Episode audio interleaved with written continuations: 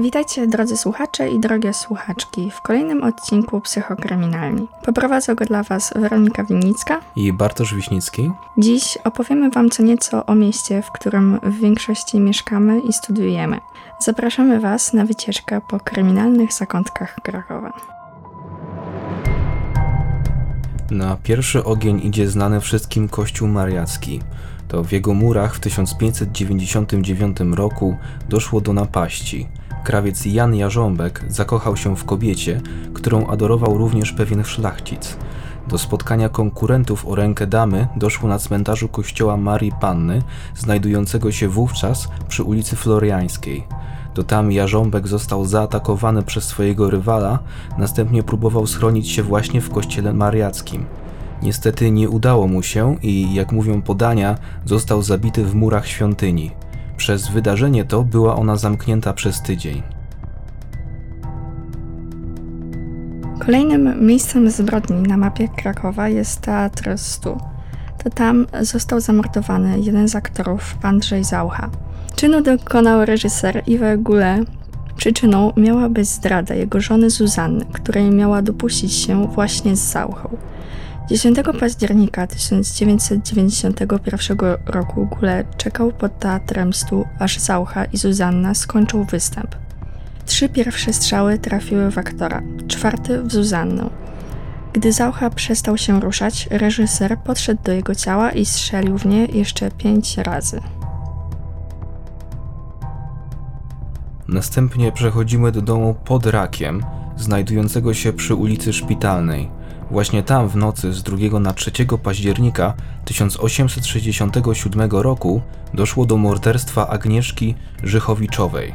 Motywem były prawdopodobnie pieniądze i wartościowe dokumenty, które 83-latka odziedziczyła po bracie. Seniorka została napadnięta podczas snu. Napastnik przydusił ją poduszką i zadał cios młotkiem w skroń. Podejrzanym jest Mieczysław Korytowski, syn mężczyzny, od którego Żychowiczowa wynajmowała pokój. 7 maja 1977 roku w bramie kamienicy przy ulicy Szewskiej 7 znaleziono zwłoki młodego mężczyzny. Był to Stanisław Pyjas, student i współpracownik Komitetu Obrony Robotników. Według oficjalnej wersji chłopak zmarł w wyniku nieszczęśliwego wypadku. Miał spaść ze schodów. W tę wersję nie wierzył jednak m.in. przyjaciel ofiary, Stanisław Pietraszko. Jednak kilka dni później został znaleziony martwy w Zalewie Solińskim. Według ostatnich doniesień z 2001 roku przyczyną śmierci Pijasa było dotkliwe pobicie. Dalej przechodzimy na ulicę Siewną. Lipiec, sobota 2011 roku. O godzinie 5 rano przechodząca kobieta znajduje zmasakrowane zwłoki młodej dziewczyny. W toku śledztwa okazuje się, że jest to 21-latka o podwójnym polsko-brytyjskim obywatelstwie, stażystka w Muzeum Narodowym.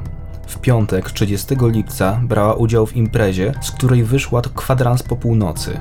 Około czwartej rano tajemniczy krzyk słyszy pan Franciszek. Nie interweniuje. Godzinę później ciało dziewczyny z twarzą zalaną krwią znajduje kobieta przechodząca ulicą, nad którą przebiega nasyp kolejowy. Zawiadamia policję. Dziewczyna ma obrażenia z tyłu głowy, prawdopodobnie spowodowane uderzeniem tępym narzędziem. Jej dom znajduje się pół kilometra dalej. Ostatnim przystankiem na naszej trasie jest kamienica znajdująca się przy ulicy Długiej 52. To tam 29 marca 1893 roku doszło do tragicznego zdarzenia. Zamordowano dwuipółletnie dziecko.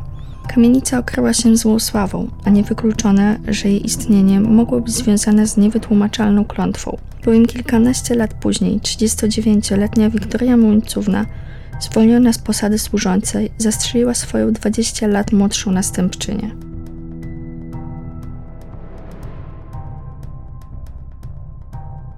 Na dziś to tyle. Mamy nadzieję, że spodobał Wam się ten temat i zachęciliśmy Was do dalszego słuchania naszego podcastu. Do usłyszenia w kolejnym odcinku Psychokryminalni.